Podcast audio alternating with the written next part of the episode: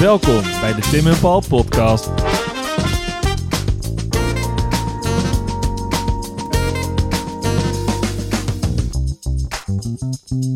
Hallo. Een hele goede morgen. Goedemorgen, Tim. Maar nou ja, morgen is maar net het moment dat je het luistert Ik zie, natuurlijk. voor ons is het ochtend. Het is Heel on-demand vroeg in de ochtend. on radio natuurlijk. Precies. Ja. Wanneer je wilt en waar je wilt, krijgt hij gewoon geschiedenis van ons te horen. Geschiedenis bits. Ja. Het Ehm, eerste bit vandaag Ja, ja, ga je gang, Tim. is eh, de longbow. Ah, Paul, eh, jij hebt het in een eerdere uitzending gehad over het orgelgeweer. klopt. Ja. Ehm, en over eh, hoe dat de, ja, de oorlogsvoering in de vroegmoderne, of ja, eigenlijk gewoon de middeleeuwen veranderde. ja. Maar ik wil daar een kleine kanttekening bij En plaatsen. dat deed je toen ook al. Toen ook al, want Ja. ik wil namelijk nu een land spreken, om maar even in de middeleeuwse terminologie te blijven, eh, voor de longbow. Ja. Dat is eigenlijk gewoon de lange boog van de Engelse Oh. eh, Voor de niet-Engels sprekende onder. tijdens de middeleeuwen. Ja. Ehm, want eh, die longbow veranderde het concept van oorlogsvoering echt compleet. Ja. En daar wil ik met jou vandaag even bij stilstaan. Eh, want je moet het je zo, zo voorstellen, in die middeleeuwen ontwikkelt zich de... ja, dat hebben we bij Mario Dame gezien in onze podcast, ontwikkelt de ridderklasse. Mhm. Dat waren eigenlijk niets anders dan zwaar bewapende ruiters die goed paard konden rijden, die een aparte maatschappelijke status krijgen, omdat ze het geld hebben om, om, een, om een harnas te kopen, om een duur paard te hebben. En die gaan zich eigenlijk richten op het knokken. Ehm, en dat is vooral in Frankrijk. Mhm. En tegelijkertijd ontwikkelt er zich in Engeland een, een, een iets anders. En dat is namelijk eh, het concept van licht bewapende militairen die schieten. En dat is heel erg vet. Ja. Daar gaan we het over hebben. Oké. Ehm, we moeten natuurlijk weer even een stapje terug. We gaan niet naar de Tweede, Tweede Wereldoorlog. Deze nee. keer niet, nee. Eh, Wel een andere oorlog. ja, eh, ja we- het, het begin hiervan is heel lastig aan te geven. Want ehm, het is niet echt helemaal het is niet gedocumenteerd wanneer die bogen voor het eerst gebruikt worden. Ehm, maar je ziet wel bijvoorbeeld op het tapijt van Bayeux, Ja. wederom de bron eigenlijk voor alles, dat daar al boogschutters op te zien zijn. Eh, dus het is aan te nemen dat in de tijd van die Normandische verovering eh, van eh, Engeland, dan weer even misschien het stapje maken tijdens op, op, het, tap- op het tapijt van Bayeux is te zien hoe Normandische koningen, een koning Enge- Engeland verovert. Mhm. En daar zijn, zijn al bogen te zien. En dat is in de, wat is het? Zo, zo, Het is eh, 1066. 1066, Ja. bedankt Paul. Ehm, daar zijn dus al bogen te zien. En Dus je kan je, je kan je voorstellen dat dat al eerder gewoon wel gemeengoed was.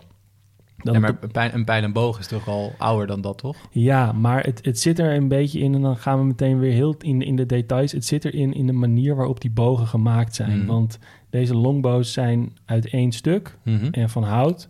En er zijn dan ook composietbogen dan al. En dat zijn dus samengestelde bogen van verschillende materialen. Er zit bijvoorbeeld been in. Er zit bijvoorbeeld een bot, weet ik niet helemaal. Maar er zitten gewoon mensenbot. Ik, ik weet niet precies waar die van gemaakt zijn. Maar, je Maar het zijn verschillende soorten. Ja. ja. en volgens mij wel echt, echt dierenbenen zitten daar ook wel in. Ehm, dus dat is, dat is een andere soort boog dan deze Engelse boog. En die Engelse bogen zijn ook betrekkelijk lang. Vandaar ook de naam. Ja, en, en Ja. je hebt de short bow, die zijn dan wat korter. Ja. En de long bow, die zijn dan wat langer. Ehm, en wat er ook interessant is, is dat er eh, in, de, in, in de 13e eeuw gaat Engeland Wales veroveren. En dan zijn er ook al veel, veel getuigen of ja, getuigenissen, getuigenverklaringen, dat er eh, op grote schaal al bogen gebruikt worden aan beide kanten. Dus dat is ook alweer een soort van extra signaal om te kijken van, nou ja, die bogen zijn dan al wel, worden dan al wel gebruikt. Maar echt belangrijk en echt bekend worden die bogen tijdens de 100-jarige oorlog. Ja. En de 100-jarige oorlog is iets fucking vreemds, want die duurde ook helemaal niet Geen 100 100 jaar. jaar? Nee. Die duurde van 1337 tot 1453. ja. Ehm, en de situatie is eigenlijk gewoon dat je een Engelse koning hebt en je hebt een Franse koning. Zijn natuurlijk weer in de verte familie van elkaar via de moederlijke lijn of de vaderlijke lijn. Dat weet ik allemaal even niet. Maar de Engelse koning die maakt aanspraak op de Franse kroon. Daar komt het in het Maar- kort op neer. Er zijn toch ook gebieden van Frankrijk die dan gewoon onder Engels gezag vallen in eh, dat- Bordeaux en zo. Ja, dat, ja. ja, Aqu- Aquita- Aquitanië. Aquitanië. Oeh, Ik kan, ik kan het nooit echt ja. uitspreken, maar dat is zeg maar die strook aan de zee in Frankrijk tussen, zeg even, eh, even als je het plat slaat, Spanje en, en Parijs. Heb, Ja. heb je zo'n strookje langs de kust, Biarritz volgens mij ligt Ja. daar, lekker surfen. Nou, Heerlijk, daar zo ja. ongeveer. Dat was, is een tijd lang gewoon echt Engels. Ja. Ehm, Ik ga je niet eh, vervelen met het strijdverloop van de Jammer. oorlog. Ik zit er aardig in. Ehm, maar je moet je gewoon even voorstellen dat er dan een aantal eh, exercities zijn waarin de Engelsen gewoon Frank in Frankrijk vechten. Heel simpel. Ehm, wat er nog ook belangrijk is, is dat er op dat moment geen staand leger is. Dus het leger zoals we dat nu kennen, ehm, was er niet. Er was geen concept van dat je dienstplichtig was, dat je dan geld kreeg en dat je 20 jaar ging oorlogsvoer, oorlog voeren. Tegen een salaris. Of, Nee. Hoe het min of meer werkte was dat een koning die had, had via het fe- feodale systeem had hij een aantal va vazalheren, leenheren die van hem land in, dien, in, in leen hadden gekregen. Die woonden daar vorstelijk, letterlijk eh, in een kasteeltje, hadden eh, allemaal onderdanen. Maar wanneer het oorlog was, we- toen ja, hij belde niet de, de koning, maar een- telegram of nou, een, ook niet. nee, postduif. ja, een post of gewoon iemand op een paard, heel Ja. hard, ga maar rijden. Knecht. Ja. Ja, dus er kwam iemand en die zei... nou, eh, koning Paul die gaat eh Aquitanië binnenvallen, wederom. En jij bent de leenheer die zo'n groot stuk land heeft. Dus dat betekent dat jij met 300 man in het leger moet komen. Ja. Nou, wat koning of wat, wat, wat de heer dan deed... die ging gewoon in zijn grondgebied mensen ronselen. Ehm, en dan is het interessant dat je dus... als je dat met ridders moet gaan doen... dat is hartstikke duur. Ja. Vreselijk. Dan moet je een paard hebben, dan moet je een Een harnas, harnas, hebben. ja. Die mensen moeten allemaal geld hebben. Ja. Hadden het allemaal niet. Nou, wat je dan vervolgens ziet, is dat er gewoon ook soldaten komen. Mensen die gaan knokken met een simpelere wapenuitrusting. En bogen zijn dan altijd al een soort van ding geweest in Engeland. Dat was niet zo duur, die kon je hebben. Die kon je, daar kon je vrij makkelijk eenvoudig mee trainen. Dus als je opgeroepen werd, kon je vrij makkelijk als boogschutter je ding doen. Ja. Dus dat Engelse leger, dat bestond niet meer uit infanterie. Gewoon soldaten, voetsoldaten met een zwaard en een knuppel. En ridders op een paard met een lans. Maar het bestond uit voetsoldaten, cavalerie En boog. en heel veel boogschutters met die longbow. En dat Franse leger was in dat, op dat moment nog veel, veel traditioneler met gewoon infanterie, eh, paarden met lansen. En her en der wel eens een kruisboogschutter uit Genua bijvoorbeeld. Ja, dat staat ja. in, in al die verslagen. Er werden er gewoon Dat huurlingen uit Genua. ja, ja. Italiaanse. Ehm, dus die waren er wel, maar dat was niet in de schaal van, ehm, van, die, eh, van die, eh, ja, die Engelse eh, longbow archers. En het idioot is ook nog even, wat ik nog even wil benadrukken, dat oorlog op dat moment echt een seizoensarbeid is. Ja. Dus er is je een- gaat natuurlijk niet eh, Frankrijk vechten in de winter, hè? Dat doe je niet. nee, En, en er is dus gewoon een oorlogsseizoen, dat is meestal een beetje in de zomer. Uh-huh. En er is dan daarna weer een niet-oorlogsseizoen. En het idiote is dat aan het begin van die Engelse oorlog, of uh, die honderd- Die honderdjarige. honderdjarige oorlog, zie je dan dat heel veel mensen dan gewoon, gewoon weer teruggaan. Die gaan dan weer op de boerderij werken waar ze vandaan kwamen. Maar gaandeweg die honderdjarige oorlog ontstaan er in Frankrijk de free companies. Dat is iets idioots. Dat zijn dus gewoon allemaal mensen die dienst hebben gehad in het leger van de, de, de Engelse koning of, of Engelse heren. Maar die, gewoon niet zo, die hoeven niet zo erg naar huis. Nee. En die gaan gewoon op oude voet verder. Die slaan het hele land kort en klein. Gewoon roven her en der wat weg. En als de Engelse koning dan komt, dan sluiten die free companies Dat gewoon zich weer aan bij het leger. Super handig voor die Engelsen in principe. Ja. Heel nadelig voor de Fransen. Dat ja, dat- het is echt ja. idioot, ja. Maar oké, we gaan even terug naar die, naar die Longbowman. Ehm, want ik wil je even eh, meenemen naar eigenlijk het moment in de, in de 100-jarige oorlog... waarin die archers zich echt bewijzen. Die Mhm. Longbowmen echt laten zien hoe je eigenlijk nu oorlog moet gaan voeren. Ehm, het is de slag bij Azincourt. Ja. 14, 15, welbekende- het is heel bekend. Het is ook, ook die speech toch van eh, Shakespeare daarover. Ja, Hendrik wat- de Vijfde zit daar, eh, Ja. is dat toch? Ja. die, die dan iets verteld heeft, super heroïs. ja. Maar waar ik het met je over wil hebben, is echt gewoon hardcore militaire strategie. Dus Paul. gaan het niet over de, de eh, Nee. Netflix-film Nee. met Timothy Chalamet doen? Nee, nee, wel, goede nee. film trouwens. Ja, maar- een hele goede film. Ook omdat waar ik later op ga komen er ook goed in zit. Waar ik het met je over wil hebben is puur militaire strategie. Lekker. Het gaat erom dat, ehm, dat gaat zo in, in, in de middeleeuwse periode... als de oorlog gaat voeren, als, als er, als er een, een slag in de lucht hangt... dan is het niet gewoon van, daar zijn ze, laten we gaan. Mhm. Dat leger dat loopt een beetje achter elkaar aan, omtrekkende bewegingen en biedt elkaar aan om slag te gaan leveren. Dat is iets heel vaags. Het, is, het is niet gewoon zo van klap, we gaan erop. Ik zie er eentje, we pakken hem. Nee. nee. Er is dus een verhaal, ik- dat is volgens mij niet de slag bij Azincourt, maar, maar volgens mij de slag bij Crécy. Ja, dat is een andere bekende. Ja. Die, oh ja. Er is er een verslag dat er dan eh, dus een heer van het, van het E- Engelse leger eh, de heer van, een, van het Franse leger tegenkomt... dat eh, ze, ze de paarden allebei in hetzelfde beekje laten eh, eh, drinken... elkaar een beetje beledigen over en weer... Ja. en gewoon ieders weegs gaan... en de volgende dag elkaar gaan Zijn pakken. helemaal, ja, van, we mogen nu nog niet vechten. Ja, is je, echt zie je morgen kwart over drie. Ja, echt idioot. Ja. Ehm, dus dat gebeurt ook bij Azincourt. Dus dat loopt een beetje om elkaar heen. En wat ze dan proberen is allebei ehm, het voordeel van het terrein te gaan krijgen.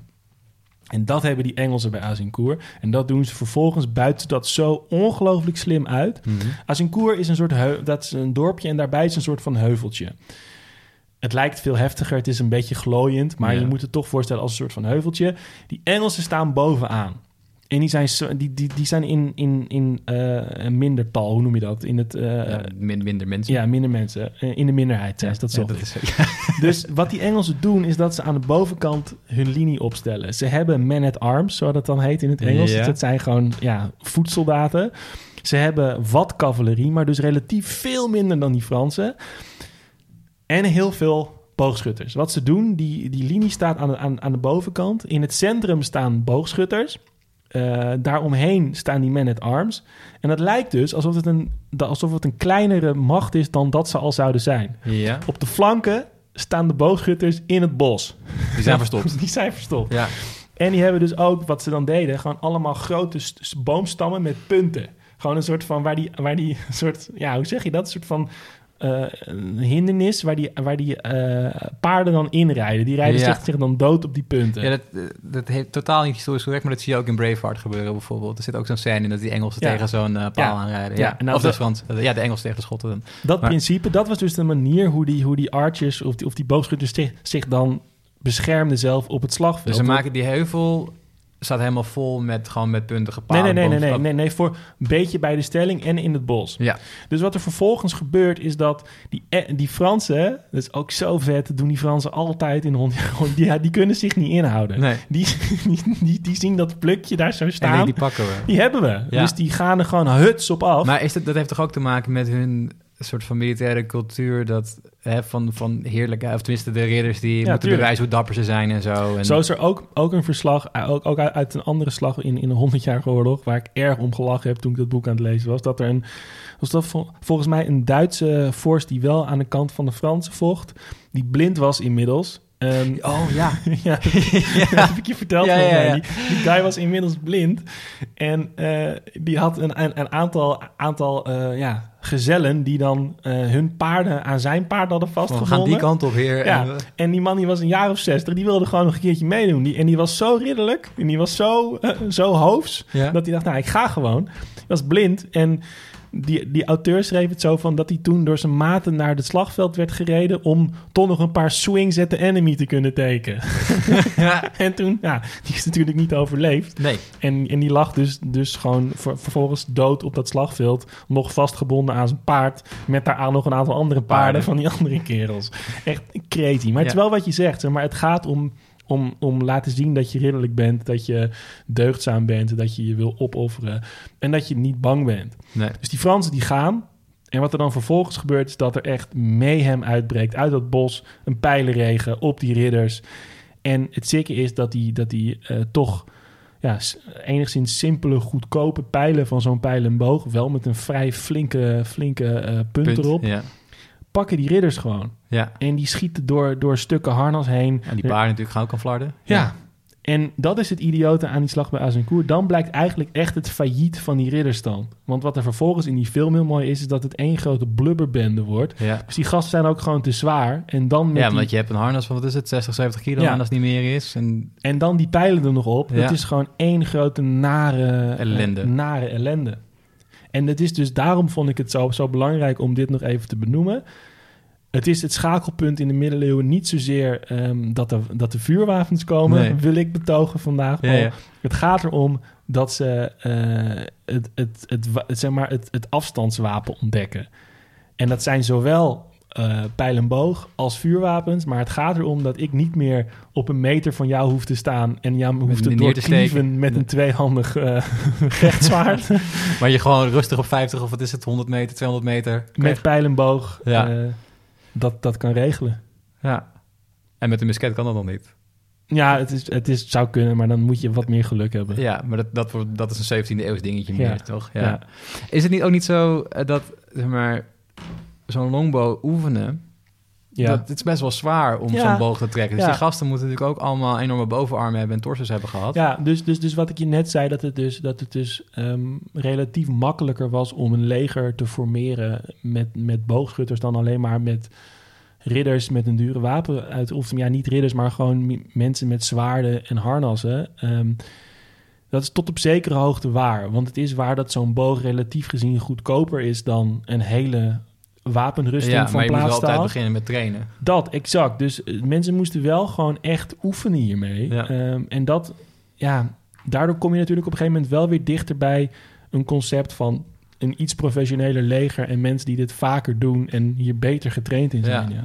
Ja, er is een, ehm, een citaat, ik weet niet of het apocryf is, maar het, het- is een citaat van een, een, een eh, koning Edward. Ik weet niet hoeveel van de, welke Engelse koning Edwards die zijn, maar die was een, een citaat van... Als je een, eh, een, boogschutter wilt trainen, moet je beginnen bij zijn opa. zeg maar, bij wijze van dat je drie generaties van tevoren Ja. moet je die familie ook klaarstomen om, Om te gaan om pijlen af te gaan schieten. Ja. Ja. Ja. heb je ooit wel eens eh, met de pijl en boog geschoten? Eh, ja, wel is, maar dat Ja. was geen succes. Nee, ik heb het ook wel eens op een camping in Frankrijk gedaan. Maar dat was ook niet. Ik had, ik had niet gehoord dat eh, nog mensen aan het lopen waren daar. begon ik nog wel te schieten. Dat was niet heel verstandig van me. Alright, dankjewel Tim voor deze terechtwijzing van mijn eh, historische feitjes van vorige Graag keer. gedaan, graag gedaan, Paul. Dan ik ga- hou je scherp. Heel goed. Ehm, dan ga ik het hebben over iets totaal wat anders. Je noemde net de plaats Biarritz. Lekker Ja. surfen. Ja? Eh, toen ik hier de trap opliep net, ja, onderbuurman heeft er zo eentje. En die hangt elke keer in mijn gezicht als ik de trap op kom lopen. Misschien weet je niet waar ik het over Ja, heb. ik weet waar je dit heen gaat. fucking, fucking wetsuit wat daar de hele tijd hangt. Ja, Ehm, dus we gaan het hebben over wetsuits. vet. Ja, Ik weet hier niets van. niets van. Heb jij wel eens eh ehm gesurfd, gekitesurfd, gezwommen, gedoken in, een, in zo'n pak? Heb Nee. je al zo'n pak aangehad? Nee, ik weet wel dat je erin moet plassen. Dat is echt tip, tip 1. Ja, eh, en waarom dat handig is, is eh, dat, dat zal ik je straks eh, uitleggen hoe dat werkt. Maar ja, ik ga het hebben over een wetsuit en ook waarom dat anders is dan bijvoorbeeld een dry suit. En waarom dat ook weer anders is dan een still suit. Oké, maak me gek. Ja, alright. Een, een wetsuit is eigenlijk een vrij, nou halverwege de 20e eeuw wordt het een beetje, een beetje uitgevonden. Maar een dry suit is eigenlijk al wat ouder dan, dan dat. Eigenlijk heel, heel kort gezet wat het verschil is. Het zit al in de naam. Hè? Net zoals een longbow is een lange boog en een shortbow is een korte boog. Een wetsuit houdt je niet droog, houdt je wel warm. En een dry suit houdt je wel droog. Wat een, Ja, wetsuit, wat oké. een eigenlijk, als je een wetsuit aantrekt en je gaat het water in, is dat er een dun laagje water tussen jouw lichaam en dat pak komt. Ja, En jouw lichaamswarmte die warmt dan dat, Dat water laagje op. op. En daarom is het zo handig als je dan in je pak aan het pissen bent, dat je dan warm wordt, zeg maar. Ja. Dus dat, dat blijft dan circuleren. En ja, voor je hygiëne hoef je het per se niet, niet per se te doen. Maar het is wel eh, lekker warm. ja. Ehm, dus je, je, ja, je bent wel nat, maar je bent niet koud. Ja. En dat is natuurlijk wel, natuurlijk wel belangrijk. En in een dry suit dan blijf je eigenlijk droog. Eh, en dat is belangrijk als je bijvoorbeeld voor andere doeleinden, als je bijvoorbeeld ehm, gaat duiken omdat er een olietanker is gezonken en je moet daar de boel gaan lassen of zo. Dan wil je natuurlijk precies, niet dat dat ja. water op je huid komt waar Ja. die olie in zit, dus je moet dan volledig droog blijven. Of in Ja. hele koude omstandigheden.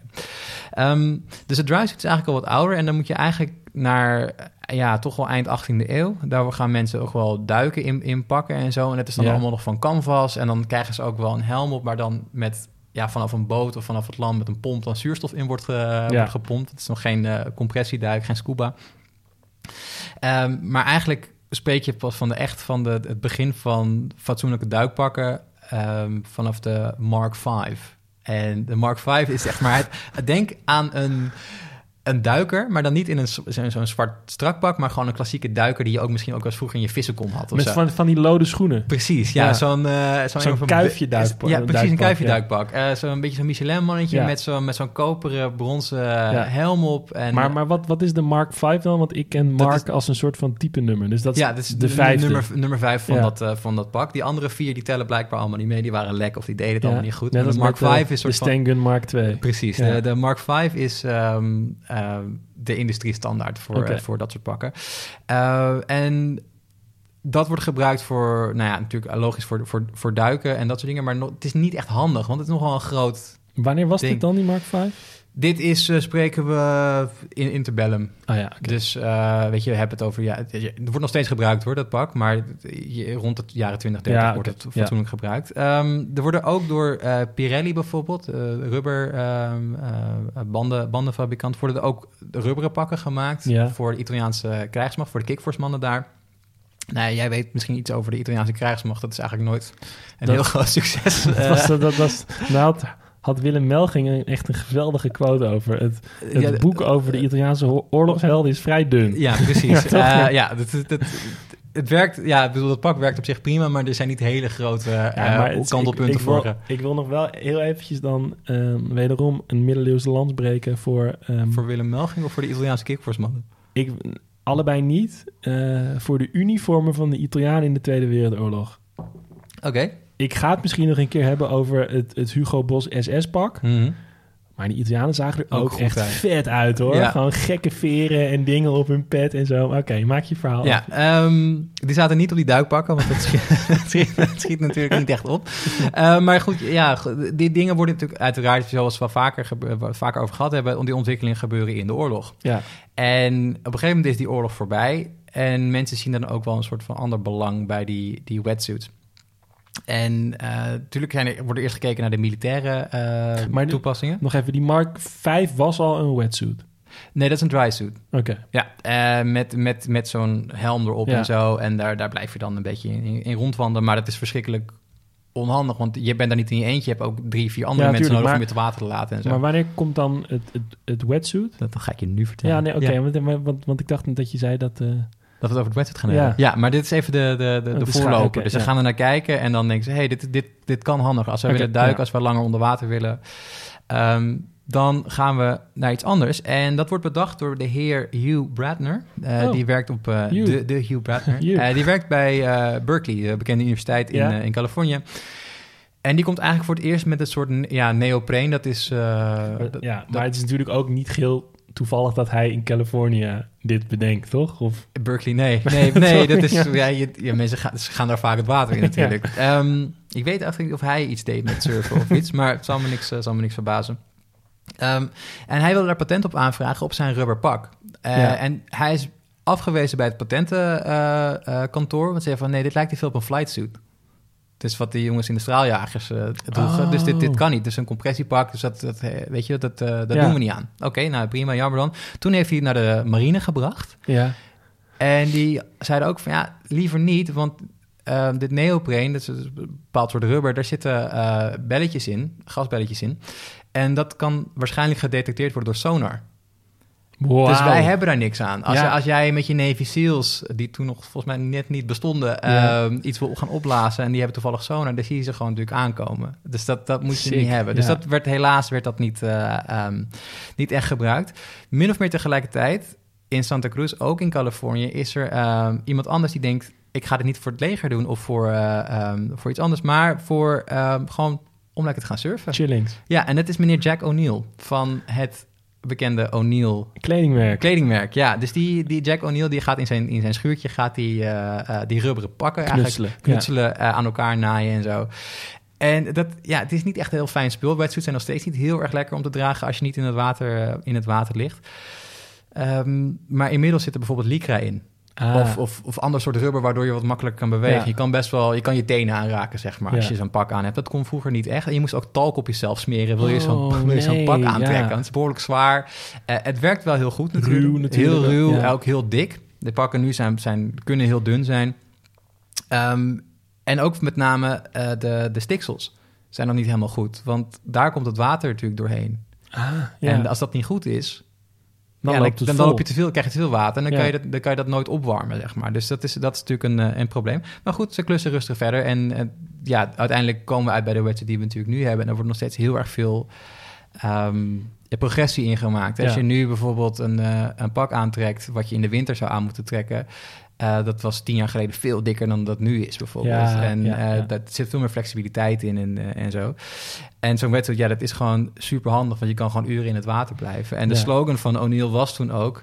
It's always summer on the inside. gewoon, maakt niet uit hoe koud het is buiten. Als jij gewoon je pakje aan hebt, dan, uh, dan kom, je in een, uh, kom je in een heel end. Um, en het, ook een ander probleem wat je had met die dry suits, en dat is ook nog wel belangrijk, want waarom kan je dan niet gewoon een dry suit gebruiken bij surfen? Uh, er zit een probleem in, namelijk dat er, er moet wel wat lucht ingepompt worden om dat water buiten te houden. Maar als je het te veel doet, dan komt er een luchtbel. En dan hang je ondersteboven in het water. dus dan gaat die lucht gaat dan of naar je schouders of naar je voeten toe. En als dat gebeurt, dan kantel je natuurlijk om. Ja. Dus dan is je kopje onder. Dus daar schiet je ook niet echt heel erg veel, uh, heel erg veel mee op. Uh, het laatste wat ik je ook nog even over wil vertellen is... Um, ik noem in het begin noem ik een stilsuit. En mensen die, die dit boek gelezen hebben, denken meteen... oh ja, dat heeft daar, daarmee te maken. Um, in 1960 komt er een enorm belangrijk sci-fi boek uit, namelijk het boek Dune. Dat is ook nu een... Uh, komt er, zou eigenlijk al, al uit moeten zijn, is, is verplaatst naar wat laat vanwege nou ja, de, de pandemie en zo. en daar hebben mensen een stilsuit aan. En dat is een pak wat je aan hebt. Dit, speelt zich af op een woestijnplaneet. En dit hebben mensen aan om water vast te houden. Um, en te kunnen blijven drinken, zeg maar. Dus het, hij gebruikt het concept van zo'n wetsuit en draait het eigenlijk helemaal om. In plaats van, hey, je kan langer overleven in het water. Dan kan je langer overleven als je in een woestijn uh, terechtkomt. Dus het is ook weer heeft allerlei referenties in populaire, uh, populaire cultuur. En ja, um, ik heb ooit verwoede poging gedaan om een beetje fatsoenlijk te gaan, uh, gaan surfen. Dat is, dat is nooit gelukt. maar ja, zonder wetsuits kan, het kan, je, kan het niet. Nee. nee, kan het helemaal niet. Dus uh, zelfs als het warm is en het ligt in warm water, is het gewoon veel chiller om zo'n pak aan te hebben. Uh, omdat je gewoon, ja, always summer on the inside uh, bent, weet je. Hang loose.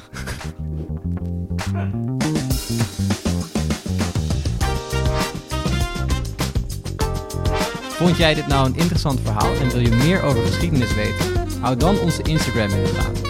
Zouden het ook heel leuk vinden als je een recensie achterlaat. Vijf sterren, mag gewoon. En heb je nou een vet idee waar we het over kunnen hebben? Slide dan in onze DM's. Durf gewoon te vragen. Tot de volgende. Groetjes thuis.